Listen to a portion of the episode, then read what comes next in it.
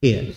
Karena itu kata para ulama, syukur itu ada lima rukun di dalamnya. Ada syukur. Yang pertama adalah seorang itu cinta kepada Allah yang memberi nikmat. Iya. Dia mencintai Allah yang memberi nikmat. Kemudian yang kedua, dia taat kepada si pemberi nikmat itu. Kemudian yang ketiga, dia selalu mengakui bahwa nikmat-nikmat itu datangnya dari Allah. Kemudian yang keempat, dia selalu menyebut dengan lisannya kesyukurannya terhadap nikmat. Dia berkata alhamdulillah. Ya. Atau kalimat yang semisal dengannya dari hal yang menunjukkan kesyukuran dia terhadap nikmat. Kemudian yang keempat atau yang kelima, jangan dia gunakan nikmat itu kecuali pada hal yang dicintai dan diridhai oleh Allah Subhanahu wa taala. Itulah yang disebut dengan syukur terhadap nikmat dan karunia Allah Subhanahu wa taala. Kita duduk sehari saja ya.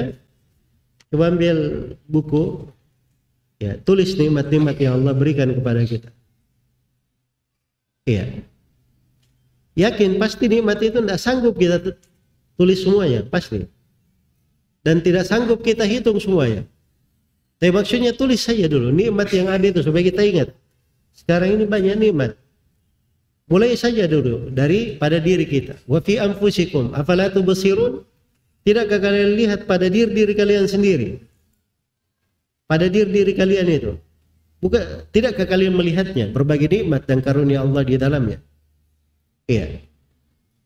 Dari nikmat pendengaran, nikmat pelihatan, nikmat alat mencium, nikmat lidah untuk merasakan, nikmat tangan dan kaki, nikmat tubuh, dan selainnya dari nikmat-nikmat pada badan kita.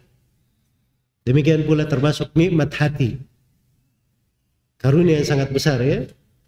Kita diberi hati seorang muslim.